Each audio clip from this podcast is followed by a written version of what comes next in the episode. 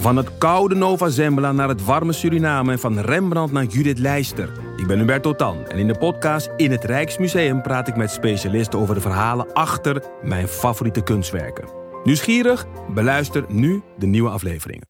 Van het enige varken in Afghanistan tot de spijbelpolitiek van Zweedse kinderen. De wereld, het boek dat wij samen met de Speld hebben gemaakt, is nu in de voorverkoop. Het is de meest betrouwbare landengids der landengidsen. Het beste boek dat je nooit mag gebruiken bij je eindexamen. Ga naar grotepodcastlas.nl slash boek, bestel hem en dan heb je hem eind juni in huis. Welkom bij de audioversie van de Atlas. Wij zijn drie geografen en in onze ogen is elk land de moeite waard. Zelfs de kleinste dwerglandjes en eilandstaatjes. En hoe kunnen we zo'n land beter bespreken dan met gekke feitjes, mooie verhalen en kleine quizjes? Dit is de kleine podcastlas.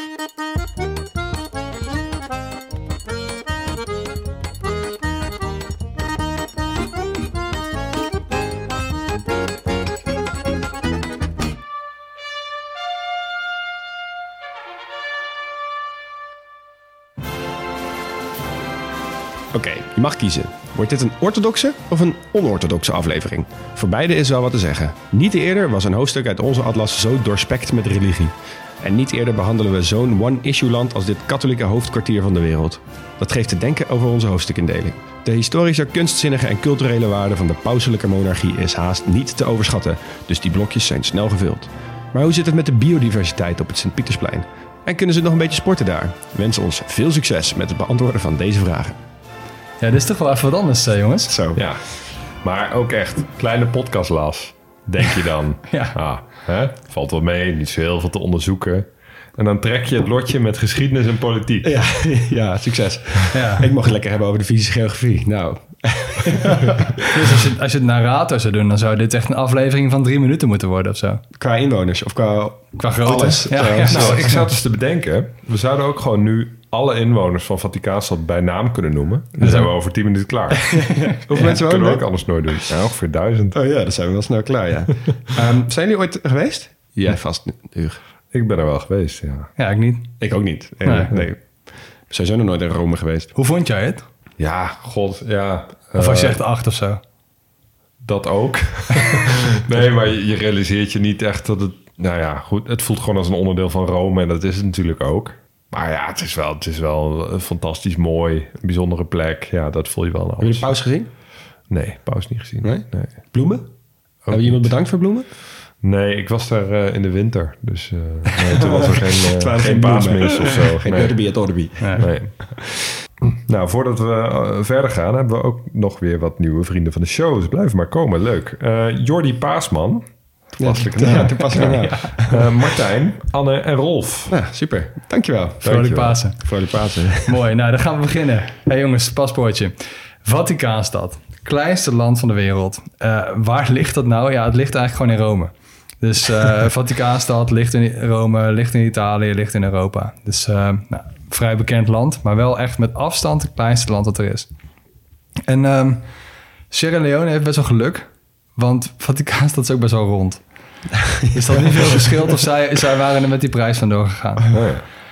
Hey, oppervlakte, eh Vaticaanstad is ongeveer een halve vierkante kilometer. Ja, dat en nu denk je, eh, net zo groot als welk land? Nou, daar zou ik je niks mee doen. Maar eh, het is wel echt kleiner dan de Efteling. Nee joh. Wow. Oké. Ja, Grappig. ja. Dat is echt een goed feitje. Denk daar even goed bij na. En eh, hoeveel mensen wonen daar nou? Nou ja, je zei al ongeveer duizend. Het is eh 825. Dat is minder dan Schiermonnikoog, onze kleinste gemeente. dus ja, ja zo'n paspoortje krijg je hier. Ja. En ik ben nog niet klaar, want ja, hoofdstad. Ja. Vaticaanstad. Vaticaanstad. Zal niet verbazen. En eh, religie, wat denk je? Ik denk het protestantisme. Ja, je, mag, je mag ook gewoon... Ja, met, iedereen is, is, is christen. Iedereen is katholiek. Ja, Dus, geen protestant. Hm? Geen protestant. Nee, nee, nee. En ehm, de taal, ja, geen officiële taal, maar Latijn wordt gebruikt voor de administratieve stukken. Dus alle uitgaande post. En Italiaans is eigenlijk de taal voor de dagelijkse gang van zaken. Maar de Zwitserse garde bijvoorbeeld, die spreekt dan wel over het algemeen Zwitser-Duits. Oh, echt ja? En die moeten een eet afleggen. En dat mogen ze dus wel in hun Zwitserse taal doen. Dus eh, je zal er ook wel een paar mensen tussen hebben zitten... die de eet in het Reto-Romaans hebben afgelegd. Maar eh, laten we niet zo diep gaan. Hey, eh, achternamen is ook wel een mooie. Hè? Want eh, soms heb je het echt in procenten of wat dan ook. Eh, hier heb je Bachman en, en Graaf. Die komen allebei vier keer voor. dat zijn de twee grootste. Wat grappig. En eh, je hebt gewoon echt een lijst met achternamen. Dus eh, Bergoglio is nu van eh, Paus Franciscus. Die staat er gewoon ook tussen. Dus je kunt Ah, het echt oké. op de Ja. naam kun je dat gewoon terugvinden. Uniek. En de vlag is dan wel weer een mooie, want nou, dit is gewoon net als elke andere vlag. Ik krijg wel even wat uitleg. Twee verticale helften, geel links en wit rechts. En in dat witte deel staan de sleutels van de Sint-Pieter. En ehm, die zijn in het geel en in het wit, dus ook in de kleur van de vlag. En die worden bijeengehouden door een rood koordje. En de sleutels staan voor de macht van, van het pausdom om te vergeven, maar ook om te excommuniceren. Dus om, om, Ja, om, om af te stoten, Ja. zeg maar. Daarboven staat de pauselijke tiara, dus een soort kroon. En die staat weer symbool voor de drievoudige pauselijke macht. Dus hij is een priester, een leraar en een koning. Ah, oké. Deze vlag zie je ook wel eens voor bij eh, kerken. Gewoon in Nederland bijvoorbeeld. Hoe zou dat toch komen? Ja.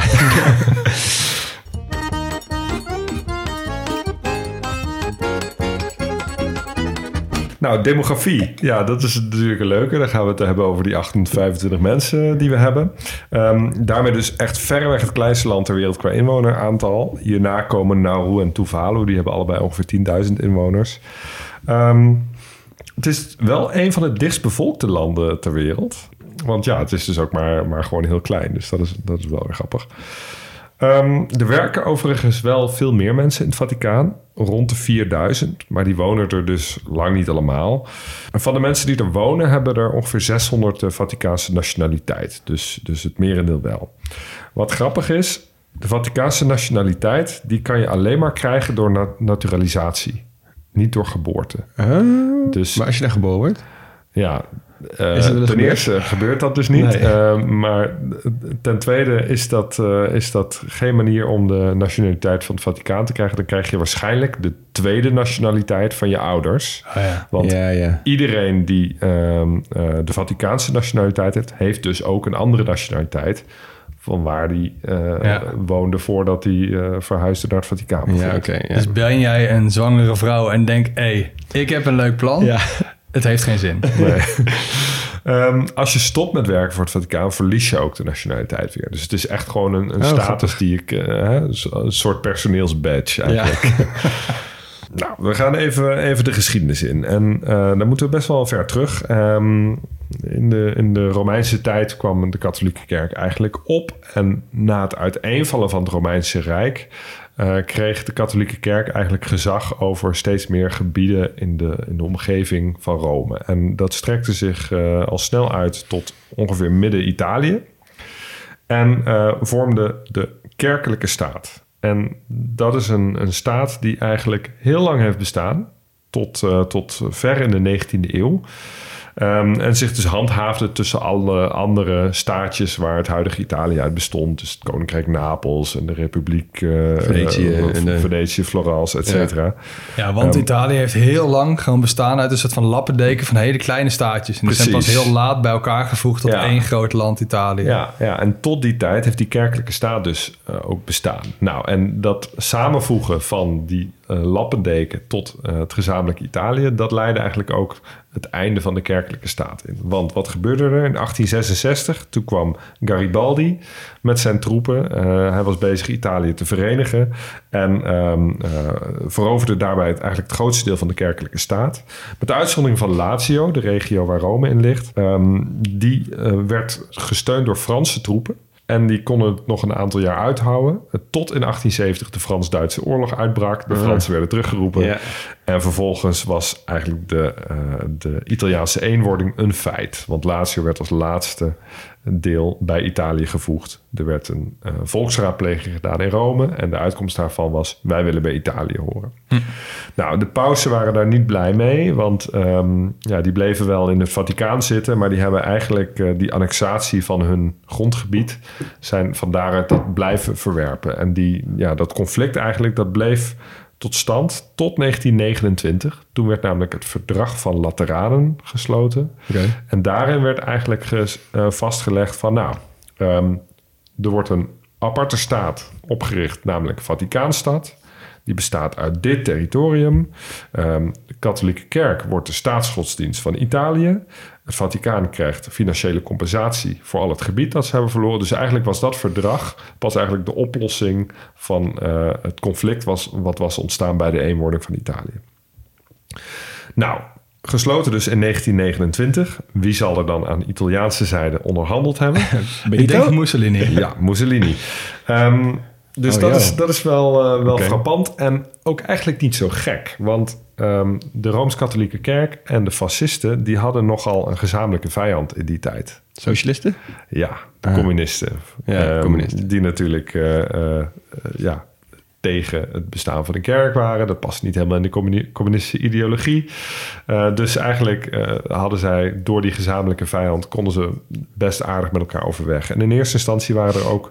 ehm, eh, niet al te slechte betrekkingen tussen Nazi-Duitsland en het Vaticaan. Nou, pas later in de jaren dertig eh, bleek hoe vreed zij te werk gingen en eh, op welke schaal zij mensen vervolgden, ging de katholieke kerk pas wat meer afstand nemen daarvan. Maar ehm, in de Tweede Wereldoorlog is, is Vaticaanstad bijvoorbeeld neutraal gebleven. Dus dat zegt wel iets over het feit dat ze zich niet heel eh, sterk hebben uitgesproken tegen Ja. het fascisme. Midden in een fascistische staat. op zich waren ze ook wel omsingeld. nee, goed, dat is, dat is natuurlijk ook een lastige situatie. Maar er, er is, ja, dit is echt een onderwerp. Dat is echt een keer een verdiepingsslag in een podcast waard. Ja. Eh, Ja. De rol van Vaticaanstad in de tijd van het fascisme en de Tweede Wereldoorlog. Ja, ja. Want er is heel veel over te doen. Was, was de paus nou een vazal van, eh, van Mussolini? Ja. Of was het iemand die door stille diplomatie toch nog wel heel veel levens heeft weten te redden? Ja, ja. Nou, dat is een, een hele interessante vraag die we vandaag helaas niet kunnen beantwoorden. Nou, dan even naar de politiek. Ja, politiek besturen, dat is eigenlijk waar het in heel Vaticaanstad om draait. Want eh, het gaat natuurlijk... Vaticaanstad bestaat vooral om de katholieke kerk wereldwijd te besturen. Nou, Ja. dat is nogal wat. Ja. Ehm, maar de staat zelf moet natuurlijk ook worden bestuurd. Het is een absolute monarchie. De enige in, eh, in Europa. Ehm, je vindt absolute monarchieën vooral nog in wat golfstaten. Nou, de paus staat aan het hoofd van, eh, van die staat. Dus Ah. is die absolute monarch. En ook van de kerk. Momenteel staat paus Franciscus. Ehm, dat is een Argentijn. En Ja. Dat is de eerste niet-Europese paus sinds de 8e eeuw. Ja, Oh, is er wel hiervoor al wel eentje geweest? Ik dacht, Ja, sterker nog, voor die tijd was het best wel gebruikelijk. Er waren best wel vaak pausen uit Noord-Afrika, uit. Syrië, Turkije, Ja, ja. uit Jeruzalem. Het zou geen Maya geweest zijn, denk ik. Nee, nee, dat denk ik ook niet. Ehm, trouwens, eh, de, de, de meeste pauzen komen dus uit Europa. En sterker nog, ongeveer driekwart van de pauzen komt uit Italië. Dus verreweg de Ja, meeste pauzen ja. waren, waren Italianen. Ja, Johannes de Paulus II, Ja, dat was een... Pol. Pol? De eerste Pol. Ja, precies. Ja. Ja, en wij we hadden toch ook, hebben we ook een Nederlands pauze gehad, toch? We hebben één Nederlandse paus gehad. Ja. Ja. Weten jullie wat de populairste paussennamen zijn? in de Pius? Nee, Pius staat wel hoog, maar niet in de top drie. Ja. ja, Johannes dan? Ja, Johannes staat op één. Franciscus? Nee, Franciscus is dus de eerste. Oh, ja, die, is eh, van die- Benedictus dan misschien? Die was daarvoor dan? Ja, Benedictus staat op drie. Nou, Gregorius staat op twee. Dat zou Oh, ik ja. jullie geven. Die heeft een mooie kalender gemaakt ook, hè? Ja, hoorde ik ook, ja. De langst regerende paus is Pius de negende. Die heeft het 31 jaar volgehouden. Dat was ook de paus die aan de macht was toen, eh, toen dat, dat in 1870 gebeurde. Toen Mhm. eh, Rome dus viel. De kortste Urbanus de zevende. 13 dagen. Balen. In hartaanval. Ja. Ehm, en eh, nog een bijzonder verhaal. Een bijzondere paus was paus Benedictus de negende. Waarschijnlijk de jongste paus ooit. We hebben het over de 12e, 11e, 12e eeuw. Dus het is ehm, een beetje voer voor speculatie hoe oud hij precies was. Ergens tussen de 11 en de 20 jaar, zeggen ze. Oké. Maar het was een hele rare snuiter. Leidde nogal losbandig leven. Ehm, en na 12 jaar pausdom werd hij verjaagd door de bevolking van Rome. Eh, er werd een nieuwe paus aangewezen. Maar Benedictus knokte zich toch weer terug. Nam die zetel weer over. Nou, daarna werd hij weer afgezet. Weer vervangen. Maar kwam hij toch weer terug in het zadel. Eh, en niet veel later werd hij, werd hij eh, nu voorgoed vervangen. En dus de enige paus geweest die eigenlijk meerdere termijnen heeft gehad. Oh ja. Wow. ja. vet. Zo, dat is ook wel een stuk rustiger vaarwater gekomen nu Ja. in deze tijd. Ja. En hoe- word je nou paus? Nou, Eerst moet natuurlijk de huidige paus doodgaan of om andere redenen opstappen, maar dat komt eigenlijk nauwelijks voor. Toevallig eh, De laatste keer. Benedictus XVI, eh, Ja. die voor Franciscus zo was. Ehm, maar als dat zo is, dan eh, komen alle kardinalen van de wereld samen, die jonger zijn dan 80 jaar, Alle in de. Sixtijnse kapel en gaan ze in conclaaf. Letterlijk, want daar komt het woord conclaaf vandaan. Conclaaf ja. eh, komt van het Latijnse woord cum clave. Dat betekent met sleutel. Ze worden dus Ah, letterlijk ja. opgesloten en mogen niet weg. Geen contact met de buitenwereld hebben tot er een nieuwe paus is gekozen. Nou, als ze gestemd hebben, ehm, dan is er in eerste instantie meestal nog geen winnaar. Dan worden die stembiljetten eh, verbrand Ja. eh, in de schoorsteen en eh, krijg je zwarte rook. Ja. En op het moment dat dat wel zo is, dan, eh, dan wordt er een goedje aan toegevoegd en krijg je witte rook. En dat is eigenlijk communicatie naar de buitenwereld van eh hè, habemus papam, we hebben een nieuwe Ja, paus. ja. Ja. Overigens ehm, mag je paus worden gewoon als je gedoopt Ro- Rooms-Katholieke man bent. Zijn jullie dat toevallig? Nee. Nee. Nee, eh, allebei niet. Jammer. Jawel? Het is wel gebruikelijk dat het een van die kardinalen is overigens hoor. Maar op papier mag iedereen het worden. Nee, ik ben ook niet, eh, niet gedoopt. Maar als ik mezelf nu laat dopen, dan kan ik me wel gewoon verkiesbaar stellen. Ja, zeker. Ja. Dan nog even over de staatsinrichting van Vaticaanstad zelf. Eh, ze hebben een eigen wetgevende macht. Bestaat uit een commissie van kardinalen, uiteraard. Eh, er is een rechterlijke macht met een eigen rechtbank. Overigens gelden in principe gewoon de Italiaanse Ja. regels in, in Vaticaanstad. En de uitvoerende macht, daar willen we even bij stilstaan. Ze hebben namelijk een eigen gendarmerie, dus gewoon een politiedienst. En natuurlijk de befaamde Zwitserse garde. Ja. Ja. Ehm, nou, dat zijn Zwitserse huursoldaten. En eh, dat is een traditie die gaat al honderden jaren terug. Die worden ingezet eh, puur en alleen voor het beschermen van de paus. Nou, die hebben hele bijzondere pakjes aan met, Ja. met heel veel kleuren. Ziet- zien er echt idioot uit. Maar vergis je niet, want onder die eh, pofbroeken hebben ze allemaal eh, automatische wapens. Dus Oh ja? zijn, Ah, oké. ja. En het zijn dus ook echt geen ceremoniële figuren. Het zijn echt zwaar getrainde special ops uit Zwitserland. Het zijn echt... eh, Ja. Ik kan zeggen, er zijn de afgelopen 40 jaar is er nog wel eens een aanslagje gepleegd op de paus. Ik kan me voorstellen dat ze daar niet, geen clowns neerzetten. Nee, maar toch in het dagelijks leven lijkt me dat best een chille baan. Ja, nee. Of juist heel saai. Over het algemeen wel. Maar het zijn echt wolven in, eh, schaapskleren.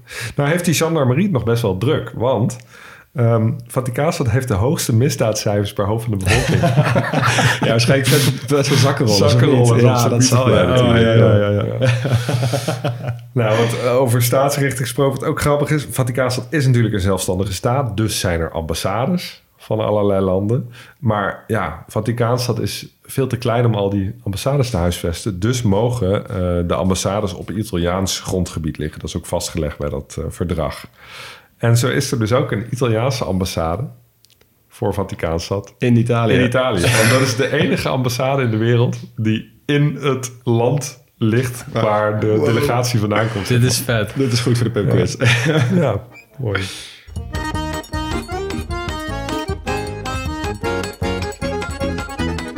Nou, nou, ik ga jou hopelijk nooit kunnen toppen.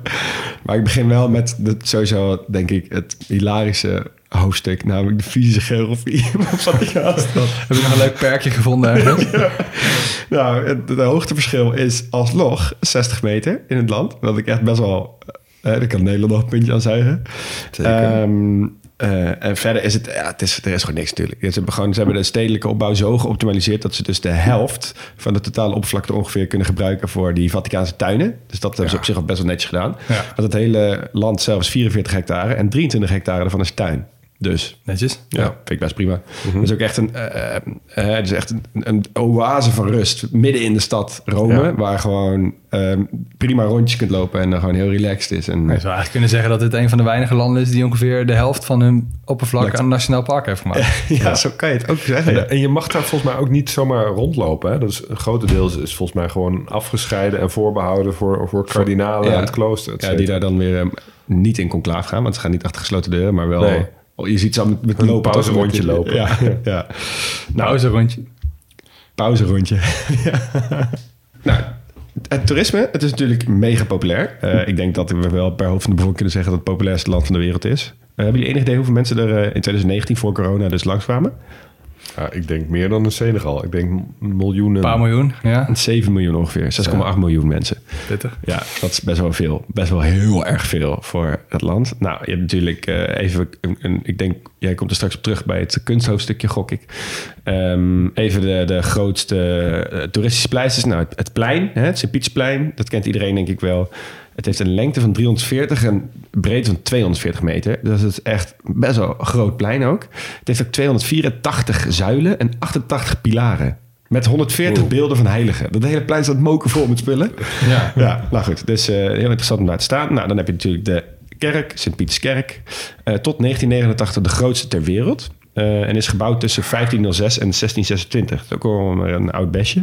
Ja. Nou, wat heb je? Maar dat is ook even, hè? Die, die kerk, die is dus 138 meter hoog. En dus een, het is geen toren, het is een koepel. Dus je Ja. zou gewoon de dom van Utrecht, zou je daar gewoon in kunnen zetten. Die zou Ja. gewoon in die koepel... Staan. gigantisch dat bouwwerk Ja. is. Ja, echt waanzin. Echt insane groot. Ja. Ehm, nou, wat heb je? Dan heb ik nog een kapelletje daar staan ergens. Ja. Ja, kleintje, Sixtijns. Ehm wel bekend. Dat, was, eh, dat is de woon- en werkruimte van de paus. Ehm, en eh, vroeger waren er ook allerlei eh, belangrijke vieringen. Nou, tegenwoordig wordt dat natuurlijk bijna eigenlijk niet meer gebruikt. Behalve dus voor het kiezen van die nieuwe paus. Eh, dat is dus die plek waar ze die sleutels in de deur proppen. En tenslotte heb je nog een hele rits musea. 26 in totaal. En die zijn alle fresco's en schilderijen van bekende kunstenaars. Want ja, hè, de, het, het, de christelijke geloof was nogal een inspiratiebron voor veel, veel schilderaars. Waarom komen er nou zoveel mensen naar eh Vaticaanstad? Dat is natuurlijk gewoon mensen die dat willen zien. Veel mensen die in Rome zitten, maar ook heel veel eh pelgrims. Want die gaan massaal die kant op natuurlijk. Omdat Ja. het toch een heilig moment is om even daar de, naar de, de Holy See te kunnen gaan. Naar Vaticaanstad. Ehm, en wat zij eigenlijk vaak willen is dat ze de paus willen zien. Nou, komt ie, pro-tipje. Hoe kun je nou de paus zien als je daar bent in Vaticaanstad? Paus spreekt dus best wel regelmatig mensen toe. Gewoon op verschillende dagen. Dus behalve als hij in het buitenland is, dan moet je even checken. Want hij gaat natuurlijk heel vaak naar verschillende plekken. Is het gewoon op bijna elke woensdag om half elf 's ochtends... wordt er gewoon een pau- pauselijke audiëntie gehouden op het Sint-Pietersplein. Dus dan gaat hij daar gewoon staan en dan gaat hij gewoon Ja. oreren. En tickets zijn officieel gratis, maar nu komt hij. Weet je hoe je ze kan krijgen? Je moet eh, faxen met de Vaticaanse kantoren. Oh, Dus je moet een fax sturen naar een Vaticaans kantoor en dan kan je, krijg je hem terug. Maar ja, omdat dus honderden mensen dat de hele tijd doen, zijn die faxen vaak bezet. En wat heb je dan natuurlijk, wat er wel gebeurt? Allemaal bedrijfjes die alvast die faxen doen. En dus je, jouw je kunnen kopen. betalen, ja, alsnog precies, betalen. Ah, ja. ja. Nou, en verder heb je dus op zondag heb je dus eh, rond half twaalf. Dan st- staat de paus vet vaak ook gewoon voor zijn raam. En die gaat dan ook gewoon weer ouwe hoeren. Eh, een toespraakje rond een uurtje of twaalf. Eh, en dan wordt het dus ook echt super druk op die pleinen. En dan zullen waarschijnlijk ook al die eh zakkenrollers eh, actief zijn. Eh, maar een van de beste momenten om dit te doen is augustus. Omdat dan heel veel Ro- mensen uit Rome, heel veel Romeinen, die ontvluchten dan de stad. En die gaan dan naar buitenhuizen of naar andere landen. Eh, maar dan kan het wel dus echt goed warm worden. Dus neem even lekkere schaduwdingetjes mee. ja. En tenslotte, de beste manier om de paus ook te zien is tijdens de paas- of kerstmis. Tijdens grote toespraken. Ehm, maar dat, dat is ook wel echt een hele eh, operatie. Want dan moet je vaak lang wachten. eh, en je moet maar heel vroeg komen om een goed plek te vinden. Eh, en ook als je dat ticket weer gratis wil, weer even faxen met de mensen daar. Ja, je zal niet de enige zijn. Nee. Nee. Het is wel waarschijnlijk de drugsbezette fax van de wereld, denk ik ik denk ook nog steeds de enige. Ja, the fuck? ik ga ze daar een keer mee stoppen. Ja, maar even appje sturen. Ik denk dat zij het ook wel relaxed vinden. Gewoon één keer in de zoveel tijd komt er een factie binnen. Nou goed, hoe krijgen zij nou geld? De, eh, Vaticaanstad, ja, hè, het is niet alsof zij import-export hebben... of dat ze grote fabrieken of land hebben... of grondstoffen waar ze iets uit kunnen trekken. Ze krijgen dus heel veel geld binnen via die musea. Die zijn heel populair. Eh, ze hebben heel veel onroerend goed in de stad... maar ook in de andere delen van de wereld. En ze krijgen heel veel geld van giften. Je hebt de zogenaamde Sint-Pieterspenning, of de Pieterspenning. Dat is dus gewoon een jaarlijkse gift van katholieken aan Vaticaanstad. Dat is in eh, 1860 ingevoerd, eh, toen het eh, de pauselijke leger tegen de Italiaanse legers heel veel eh, verliezen leed. Toen zeiden ze, oké, we hebben geld nodig. Eh, dus gooi dat naar ons. En alleen de laatste jaren is het dus best wel eh, onder een vergrootglas komen te liggen... waar dat geld nou precies heen gaat. Omdat er best wel veel hele dure huizen in Londen zijn gekocht. En de Vaticaanse heeft het zelf ook toegegeven. Zij zeggen zelf, ja luister, we moeten wel... want we hebben anders geen inkomsten. Ongeveer 10% van het geld dat binnenkomt door die Pieterspenning... wordt gespendeerd aan het ondersteunen van de armen. En al het andere gaat dus eigenlijk in de zakken van de, van de mensen in Vaticaanstad. Ja. Nou, dan heb je dus ook nog de bank van Vaticaanstad. Die heet, officieel heet die het Instituut voor Religieuze Werken. Oftewel Instituto per io parere della Regione. Ehm, en daar gebeuren ook de laatste jaren niet heel veel goede dingen. Echt best wel wat witwaspraktijken geweest. En ook echt serieus, de oude president van die bank is ook veroordeeld. Eh, en eh, er gaan ook nog verhalen. ehm, dat is nooit helemaal 100% hard gemaakt. Maar er zijn wel wat documenten uit Amerikaanse en Duitse archieven. Dat blijkt dat dus het natiegoud eh, via de Rijksbank naar de Vaticaanse bank is overgebracht. En dat ze het daarna door hebben gesluist naar verschillende banken in Zwitserland. Waardoor het door naties later werd gebruikt om te ontsnappen uit Europa. Dus Oeh. ja, ook allemaal niet zoveel uh, fraais. Ja. Nou, tenslotte. ehm er is één iets uit Vaticaanstad wat heel veel geld waard is op het moment dat het wordt gemaakt. Het wordt nog steeds gemaakt. Die postzegels. Die postzegels. die postzegels die daar worden gemaakt, eh, die zijn zo populair. Alles en iedereen wil ze overnemen. En tegenwoordig hebben we dus ook een eigen variant van een postzegel, namelijk de euromunten. Eh, en eh, die euromunten van Vaticaanstad, die zijn, zijn niet de allerduurste, ben ik achtergekomen. Eh, maar ze zijn wel eh, heel erg gewild bij Ja, alle... Tof. Ik wist helemaal niet dat die eigen munten sloegen. Ja, die slaan dus eigen munten. Officieel hebben ze, zijn ze geen euroland, maar ze betalen allemaal met euro's. Ja, ja. Ja, ja, maar ze mogen dus wel ook eigen euro's slaan. Ja. Ondanks het feit dat ze officieel geen euroland Ja, zijn. en die worden dus allemaal massaal ver- eh, verscheept naar de Amerikaanse markt, omdat je daar heel veel muntenverzamelaars hebt. Ja, natuurlijk. Ja.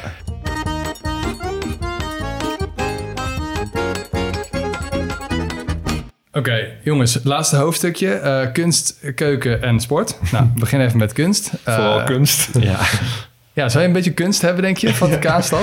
denk het wel. Ja, man, waar moet ik beginnen? Het is wel, eh, ja, het is een beetje cherrypicken, want we hebben natuurlijk niet zo heel veel tijd op een, in, een, in een kleine podcast last. Maar ik pak er even twee dingen uit. Er zijn dus, je hebt ze allebei al even snel genoemd, Leon, de Sint-Pieter en de Sixtijnse kapel. Even eerst die Sint-Pieter. Ehm, nou ja, eh, op de plaats gebouwd waar het circus van Nero stond, een van de Romeinse sportstadions. En daar was wagenrennen heel populair, maar er werden ook wel criminelen en de eerste christenen werden daar geëxecuteerd. Zo ook apostel en de eerste paus Petrus, die ook daar begraven ligt. En daarvoor, ehm, dat is ook een groot bedevaartsoord geweest.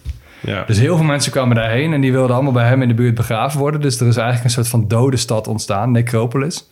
En ook dat is echt een plek van grote historische waarde.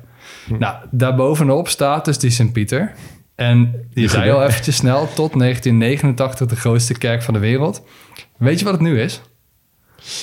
Waar die ja, nu staat? Ja, dat is toch ergens in een van die zuidelijke Amerikaanse staten. Zo'n zo'n drive-in Ja, church of zo. Of in Nigeria of zo. Jij zit dichterbij, Hug. Het is de Basilique Notre-Dame de la Paix in Yamoussoukro, Ivoorkust. Oh joh. Geen idee verder. Dus eh, nou, eh, de Ivoorkust-aflevering moet niet al te lang op zich laten wachten. Maar goed, de Sint-Pieter is wel een van de beroemdste kerken van de wereld. Dus eh, even in het kort. Eh, oorspronkelijke architect was Donato Bramante. Ehm, hij heeft die grote koepel bedacht. Die tot op do- eh, dusver toen alleen in Florence nog wat toegepast. Ja. Heel groot eh, architectonisch hoogstandje rond die tijd. Dat je echt zo'n grote koepel kon bouwen. Echt, echt waanzinnig. Ehm, 120 jaar lang is daar aan gebouwd. Dus ook heel veel architecten hebben het van elkaar overgenomen. Ehm, grote namen, eh, bijvoorbeeld ook Raphaël en Michelangelo. Twee mannen die echt, zeg maar, echt alleen de grote der aarde staan echt alleen bekend onder hun voornaam. Hè? Dus je moet wel Ja. echt heel groot zijn, wil je alleen onder je voornaam bekend staan. Zoals Madonna. Ja, ja zoals Madonna. Met een soort stage name. Ehm, en als laatste architect wordt beschouwd eh, Gian Lorenzo Bernini. Ook een ja. grote naam. Oh. Ook eh, gediend als voorbeeld, of in ieder geval als naamgever van het Bernini-mysterie. De. Nederlandse versie van Ancients and Demons. Boek van Dan Brown. Eh, waar heel veel symboliek en geschiedenis en kunstgeschiedenis eh, over Vaticaanstad in staat. Ja. Met een kleine knipoog, maar het is wel echt super interessant om te lezen. Eh, wat minder bekend is over die Sint-Pieter, die lange boulevard die van Sint-Pietersplein loopt naar de rest van de stad, hè, dus naar de, Mm, naar de Tiber. Die was er niet altijd, want er, was gewoon, er stond gewoon een woonwijk. Oh. En die is gesloopt door iemand die we al genoemd hebben deze afle- aflevering. Mussolini. Ja, dat is wel, ja. Dus om een mooier beeld te krijgen van de stad Rome op de Sint-Pieter... heeft hij die boulevard gemaakt. Oké. Ik kan het zeggen, weinig democratische leiders krijgen het voor elkaar om een hele woonwijk te slopen om er Ja. voor de rest niks voor in de plaats te zetten. Nou ja, we mogen hem hier op zich wel een soort van dankbaar voor zijn, toch? Nou, hey, die Sixtijnse kapel, ehm, al even ingeleid door jou, Leon, dus eh, thanks daarvoor. Ehm, niet alleen de plek waar dus ook die nieuwe paus werd gekozen, eh, maar dus ook onderdeel van de residentie van de paus, maar wel vooral ook echt heel erg bekend van de kunst, eh, voornamelijk de fresco's. En even die fresco's. Zo'n raar woord eigenlijk. Kleine definitie. Ehm, ik zal hem jullie even geven. Het is een schildertechniek eigenlijk.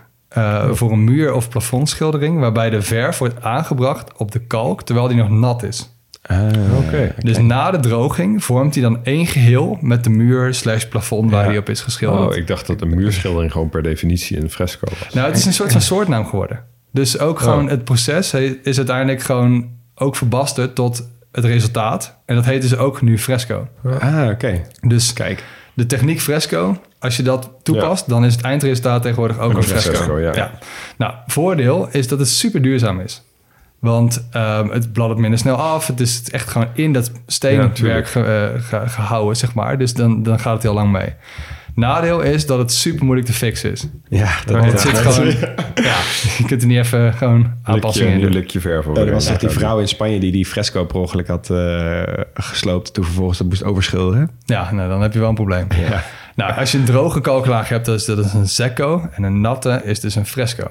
Nou, die Sixtijnse kapel, die is dus eigenlijk één grote fresco. Dus meerdere kunstenaars hebben daaraan gewerkt. eh, maar Michelangelo is wel de bekendste. En hij heeft daar eigenlijk een soort van hele spirituele reis van de mensheid... heeft hij daar geschilderd met heel veel scènes uit het boek Genesis.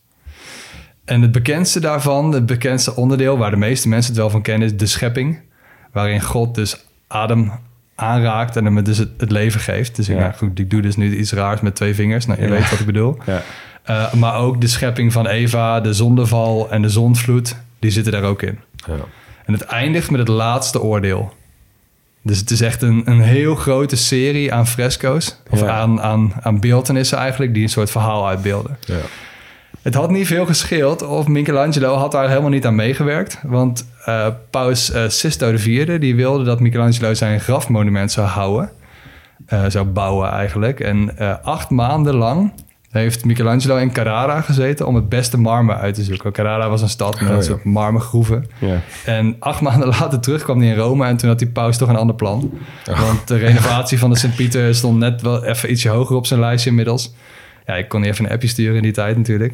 Dus Michelangelo die was niet blij. Ehm, en dat was eigenlijk een, een, ja, het begin van een hele slechte relatie tussen die twee. Oké. Jo, maar e- even, hè. Ik, ik heb echt nog meer respect gekregen voor fresco's. Want als je ziet hoe gedetailleerd die tekeningen zijn uitgewerkt. Op natte kalk, hè? Ja, precies. Dus het is niet, hè, dat moet snel gebeuren. Anders, anders droogt of je moet het nat houden. Ja. Maar dat lijkt me gewoon echt super lastig. Kijk, Rembrandt die kan heel lang doen over een schilderij... om te zorgen dat het lichtinval precies goed is. Ja, ja. Maar Ja. dan hang je aan het plafond, dat ten eerste al. Ja, En dan moet je onder, onder tijdsdruk moet je dat fixen. op natte kalk, Ja. inderdaad. Ja, dat is echt waanzin. Nou, en goed, die, eh, die, die Sisto de Vierde, daar had hij dus al dat was een beetje mee gebrouilleerd, maar die, eh, die vroeg toch of hij het plafond van de kapel wilde schilderen. En toen zei Michelangelo, hé, hey, vriend, ik ben een beeldhouwer, geen schilder. Dus oftewel, bekijk het maar. Eh, maar dat bleef, hij, hield toch wel voet bij stuk en dat be- begon toch best wel een diplomatiek probleem te worden. Dus andere mensen hebben Michelangelo er wel van overtuigd van, joh, Doe, Doe het nou maar.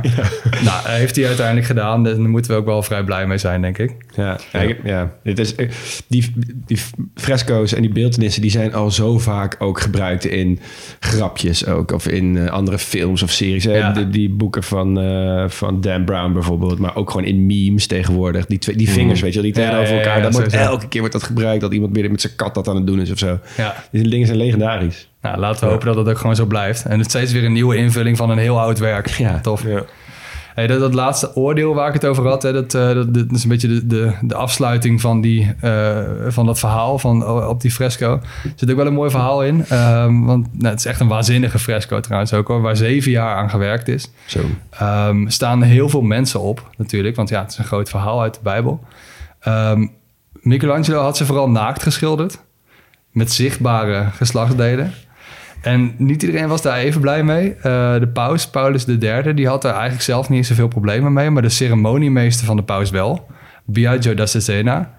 En eh, die maakte best wel stampij tegen zoveel naaktheid. Dus die is aan alle kanten een beetje, een beetje herrie gaan schoppen. En Michelangelo was daar niet zo blij mee. En die heeft hem rechts onder in het schilderij afgebeeld. Als koning Minos, de rechter van de onderwereld. Dus het- de- van de dodenrijk, zeg maar. Waarin zijn penis werd verzwolgen door een slang. nou, dit is wel echt een Google-actietje waard. Want het ziet er echt geniaal uit. Ja. Nou, Michelangelo vooral zoiets van... Nou, eh, hier, zo doen we dat. Ja, dat is waarschijnlijk niet de eerste en zeker niet de laatste keer dat de kerk in conflict is geraakt met de kunst. Nee, precies. Nou, ehm, wel een beetje flauw, want na de dood van Michelangelo werd wel geoordeeld. eh, het was inderdaad te veel naakt en al die genitaliën die moesten met doeken bedekt worden door de schilder Daniela La Volterra. Die vanaf toen bekend stond als Il Braccatone, oftewel de broekenmaker. en pas eind 20e eeuw is de helft van de doeken is weer verwijderd. Dus Wow. nu zie je voor de helft weer gewoon... Zo, Dat lijkt me mensen. ook lastig trouwens, maar goed. dat is een soap. Ja. Ja. Nou, gaan we even door naar de keuken. Ehm, er zijn geen restaurants in dit land. Dat is ook niet echt een eetcultuur. Behalve dat het in Rome is natuurlijk. Ja. Dus ik ben eens even gaan kijken van wat eet nou zo'n paus? ja wedden dat hij echt wel pizza eet. Zeker. Dan wordt de afsluiting. nee, eh, ja goed. Kijk, het is een oude man, weet je. Dus hij moet op zijn voeding letten. Eh, hij moet een beetje rustig aan doen qua koolhydraten. Dus het is wel echt een mediterraan dieet. Maar eh, zo'n paus heeft de zomerresidentie. Castel Gandolfo, net buiten Rome. Eh, het is een exclave van Vaticaanstad uh, trouwens. Ja, dus het is echt een grondgebied van het Vaticaan. Hij komt daar verder nooit, dus ze hebben dat openbaar gemaakt. Eh, maar het is wel zijn missie om oneerlijkheid en ongelijkheid te bestrijden. En dat begint bij hem qua eten. Dus hij wil alles gewoon huisgemaakt, niet ver ingevlogen en alles. Maar alles Ah. gemaakt op dat, eh, op dat terrein. En Mm. al zijn eten schijnt ook gemaakt te worden op dat terrein. Oh, wow. Ehm, hij mag dus niet zoveel pasta meer en ook niet zoveel eh, kruidig en pittig en vet eten. Maar wel een heel gebalanceerd dieet. Ehm, hij is een Argentijn, dus hij eet eh, membrillo. Ik weet niet of jij dat kent, Leo, je bent er geweest? nee. Dat is een soort gelei van kwee- kweeperen. Heel populair in, eh, in, in Argentinië. Dat eet hij dus ook graag. Ehm, hij schijnt ook van mate te houden. Oh ja? ja, zeker.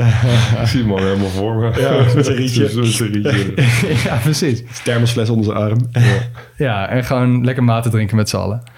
Nou ja, en gewoon voor de rest een, een heel goed en gezond dieet. Eh houdt wel van wijn trouwens. Hij heeft ook echt al gezegd dat eh, zeg maar een, een, eh, een, een bruiloft zonder wijn... Ja, daar heeft hij het niet zo op. dat, is een, een, een, dat is een beetje gênant voor het bruidspaar, heeft hij ooit gezegd. Dus nou, dat vind ik dan wel weer mooi. Ja, maar hij is zelf geen fanatiek drinken. Hij is een oude man, weet je. Ja, maar Dus- Jezus hield toch ook van wijn? ja, zo is het ook. daarom. En eh, Leon, jij kwam nog even, je had het over die pizza. Ja, hij is ook wel echt een groot fan van pizza. Ja, je woont in Rome. Hij zei, joh, als ik, ik vind het fantastisch om paus te zijn, maar hij droomt er wel van om één dag erop uit te gaan zonder herkend te worden. En dan de hele dag in de pizzeria te gaan zitten. Volgens mij is die paus best wel een mooi vent. Ja, Dit is wel echt een leuke pauze volgens Ja. mij. Ja. Hey, sport. Eh, ze hebben ook één voetbalteam. Ehm één nationaal voetbalteam. Eh, eerste wedstrijd gespeeld in 1985. ge- met 3-0 gewonnen van een paar Oostenrijkse journalisten. maar ja, het is wel lastig om een team te vormen, weet je? Een nationaal team. En ehm, dat team is een combinatie van spelers van de eh, voetballiga van Vaticaan. Want ja, die bestaat. Eh, alle spelers van dat team zijn, zijn medewerkers. Dus politieagenten, postmedewerkers... en vooral dus leden van de Zwitserse garde. Die spelen daarin. Maar ja, je kunt ze allemaal niet te lang missen. Want Nee. die, ja, lui moeten ook gewoon op de paus passen. Ja. Dus ja, je kunt ze niet helemaal een paar maanden per jaar vrij plannen... om ergens een competitie te gaan spelen. Dus Dus, is ook alleen maar uit. eh, nee, ze spelen in Rome. Ja, uit dus. Ja, eigenlijk wel. ja, ja, eigenlijk wel. Maar ehm, de meest eh, succesvolle club van... Dus ze hebben er gewoon echt wel een competitie... is eh Musei Vaticani. Dus eh, voor medewerkers van de musea. Ehm, Oh. Maar ja, het is wel lastig, want eh, ja, ze hebben maar 825 in- eh, inwoners. Hebben ze ook van die eh, sjaaltjes waar Vaticaan op staat? Ik hoop het niet. Maar eh, per team hebben ze dus wel eh, toestemming om één Italiaanse amateurkeeper op te stellen. Want eh, Oh, dus ja, het keepers die zijn eh, natuurlijk dun bezaaid. dan. Ja, het schijnt een eh, tekort te zijn aan keepers in het Vaticaan. Hey, en dan moeten we het heel even over de Olympische Spelen hebben nog. hebben ze niet aan meegedaan. Maar dat willen ze wel ooit gaan doen. Dus ze hebben een organisatie opgericht, Atletica Vaticana. Nationale organisatie, die moet dat dus mogelijk gaan maken. Ehm Zwitserse garde, leden zitten daarin, maar dus ook priesters en nonnen. Wat vet. Ehm, het is opgericht in samenwerking met het Italiaanse comité, Olympisch Comité. Die vinden het op zich al best, maar hebben wel geknipoogd van... Hey, Die mogen niet te groot worden, want dat is niet goed voor onze medailles. Nee, niet ten koste van... eh, Ehm, maar het puntje wel is, ze moeten nog wel een Olympisch comité zelf oprichten. Want ja, we weten hoe dat gaat inmiddels. Hè. Je moet dat wel echt hebben, anders mag je niet meedoen. Ehm, maar waar ze ook wel eh, interesse in hebben... Ze zijn waarnemer geweest de afgelopen keer in 2019... bij de, ehm, de Spelen van kleine staten van Europa.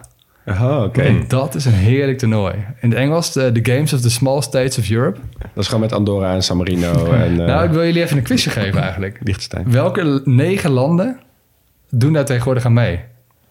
Ja, ik de- zal je een kleine ja. hint geven. Eh, het zijn landen in Europa die minder dan 1 miljoen inwoners hebben. Dat is een soort van graadmeter. Ja. En ik zal je er eentje geven, dat is Cyprus. Die heeft dat inmiddels niet meer, maar wel Ja. toen het werd opgericht hadden ze nog wel minder dan een miljoen. Ja. Kom maar. Nou, San Marino, Ja, Andorra, Monaco. Liechtenstein. Luxemburg dan ook, denk ik. Goed? Ja, nou, Vaticaanstad hebben we al. Dan hebben we nog minder dan een miljoen. En het, zijn, Moldavië. het, zijn wel, Nee. het zijn wel onafhankelijke landen, niet Guernsey Ja, nee, zo. echt of, eh, onafhankelijk landen. eh, IJsland. Ja, goed. Ja, goeie. Montenegro? Ja, ook goed. Sinds kort. En dan moeten we nog... Kosovo? Nee, volgens mij zijn jullie er wel. Ik heb, jullie waren wel snel, maar het is IJsland, Cyprus, Monaco, Luxemburg, Malta, Liechtenstein, Malta hebben we niet Malta. San Marino, Montenegro en Andorra. Ja. En IJsland is, eh, staat bovenaan de medaillespiegel. Ja, dat zal. Die staan ze sowieso in Europa al. Ja. Nou, niet bovenaan, maar wel in die medailles. Maar ja, wie weet eh, gaat de Vaticaanstad Ja. ze binnenkort joinen. Dat zijn er Ja. tien. Ja. Maar ik denk, als zij eh, deel gaan nemen aan de Olympische Spelen... dat ze best wel een keer kans maken om een keer een medaille te winnen. Want die Zwitserse garde, dat zijn natuurlijk vet goed getrainde mannen... in Ja. de kracht van hun le- Ja. leven. Uit Zwitserland, vet sportief land... waar Ja. ze allemaal goed kunnen skiën en, en rodelen en shit. Dat, zijn ze- geen- dat zijn niet de stel boekhouders inderdaad. Nee. Maar dan moeten ze dus wel genaturaliseerd worden tot... Zeg Ja, maar dat zijn ze Ja, dus. precies. Ja. Ja. ze hebben natuurlijk even die paas. Dus dat is, dat is oké, dus eh, die mogen meedoen. Zijn wij fan? Ja, absoluut.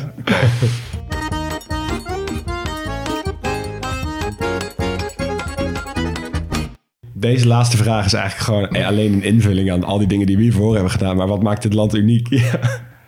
Ja, uniek. Nou, ja, niks. laat, Ja, wat laat ik gewoon eh, Ja. heel Ja. voorzichtig beginnen met eh ja, kleinste land ter wereld. Kunnen we vanaf daar voort gaan Maar bouwen. er zijn let, ik kan beter vragen, wat maakt dit land niet uniek? Dus ze hebben niks wat Ja. andere landen ook hebben, zeg maar. Ze hebben Eigenlijk alles alles, wat we gezegd hebben is uniek. Kijk Ja. maar naar de, dus die verdeling van die hoofdstukjes van ons. We hebben echt, ik heb zo anders onderzoek moeten doen deze keer. Ja, ja, en normaal gewoon, je hebt, van elk land kun je het wel op een bepaalde manier kun je het wel gaan aanpakken. Maar er is geen land zoals Vaticaanstad. Nee, maar ik vroeg me wel af toen ik dit aan onderzoek was... zou hier ooit een keer een andere geloofsvariant van kunnen ontstaan? Dat dacht ik gewoon ook. een Ik dacht echt, die, stad die of christenen een- die mogen echt Ja. geluk hebben dat wij... Dat, wij, oh, mij nou, ik ben helemaal geen, geen christen. Maar dat zij eh, gewoon een eigen land hebben. Ja. Nou ja, dat, Wat zouden ja. we ervan vinden als alle wereldreligies gewoon... eh Mekka, gewoon een landje. Ja. dan- ja. Hindoeïsme bij Maar dan moet er eerst een... Kijk, eh, het, het Rooms-Katholieke geloof heeft natuurlijk ook overduidelijk een gecentraliseerd bestuur. Ja. En eh, dat hebben veel andere geloven niet. Dat is waar. Dus, maar stel dat dat er zou zijn, dan hoeft er maar één land te zijn. Hè? Dan hoeft Saudi-Arabië bijvoorbeeld maar te zeggen van... eh, eh, stel dat, dat de islam zich in Mekka gaat centreren. Ja. Eh, ehm, zeggen van nou prima, jullie zijn een zelfstandige staat onder voorwaarden, et cetera. Ja. Dus dan, ja. dan zou dat en- best denkbaar zijn, maar dan moet er eerst een andere bestuurs... het christendom heeft natuurlijk de paus... wat een soort van de, de leider is van het christelijke geloof op aarde. Maar dat heeft, het boeddhisme bijvoorbeeld heeft helemaal niet zo iemand. Nee, nee. En- nee. Maar bijvoorbeeld het Sikhisme heeft dat dan volgens mij weer wel. Ja, nou, je hebt misschien wel- is dat dan een geloof wat daarvoor naar maar Je hebt wel de Dalai Lama natuurlijk. Ik bedoel, dat is ook weer een soort centraal figuur in een Ja, geloof. Maar die mag niet eens in zijn eigen land wonen. Fair enough. En wat gaan we doen dan als we hier één dag zouden zijn? we hebben wel landen gehad waarbij... Ja, je kunt toch echt nooit het hele land zien? Nou, hier moet dat op zich Ja, in best makkelijk wel lukken. Ja. Ja, En dan dacht je, wel genoeg. lang niet alle deuren zijn open, helaas. Ehm, anders zou ik, eh, zou ik ja, natuurlijk naar de plekken willen gaan die voor het grote publiek zijn afgesloten. Alle verborgen schatten bekijken. Ja, en reken maar, die zijn er wel, die, ne- die necropolis induiken. Ja, ja en eh, goed, als ik, hè, zolang ik bij het gewone plebs behoor, eh, ga, ik, ga ik gewoon echt die kapel en die fresco's Ik ga, wel, ik ga wel dan een goal maken om die paus te zien. Dus ik ga denk ik eerst een fax kopen. En dan hopen dat ik op een of andere manier erachter kan komen wanneer ik daarheen mag om die paus dan toch te zien. Ja. Ja. Ik denk dat ik wel, als ik daarheen zou gaan... ehm, het wel tof zou vinden om een gids te hebben. Ja, Want ja. ik las klopt. hier nu ook de, hoe, hoe dan zo'n, wat, het- wat dan de definitie is van zo'n fresco. als je dat al leest, nu vind ik het al duizend keer knapper. Ja, Moet je nagaan, als je een goede gids bij je hebt, dan weet je alles zoveel Ja. meer op waarde te schatten. Ja, Ja. dat is zo. Dat Ja. klopt. Ja. Nee, goeie. Dan eh, loop ik met je mee en dan luister vind ik mee met je gids. Ja. Hey, we zijn er door de tijd heen. Eh, heel erg bedankt voor het luisteren naar dit hoofdstuk van de kleine podcastlas. Wij zijn Leon Boelens, Max Gerritsen en Hugo Noordman. En de eindmontage wordt gedaan door Jonas van Impen. We zijn nooit volledig, maar wel origineel. Geen experts, wel liefhebbers. Als we iets verkeerd gezegd hebben of iets cruciaals zijn vergeten... dan moet je het even laten weten via Twitter of Instagram op het grote podcastlas.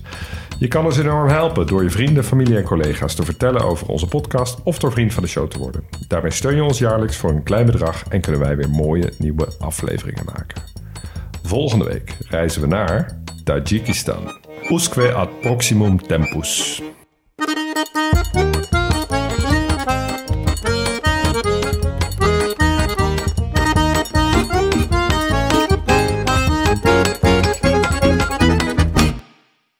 Luisteraar, luister je nog steeds? Klasse man, je hebt er gewoon helemaal afgeluisterd. Nou, nu je tot hier bent gekomen, koop dan ook gelijk even ons boek hè. grotepodcastlas.nl slash boek. Doei!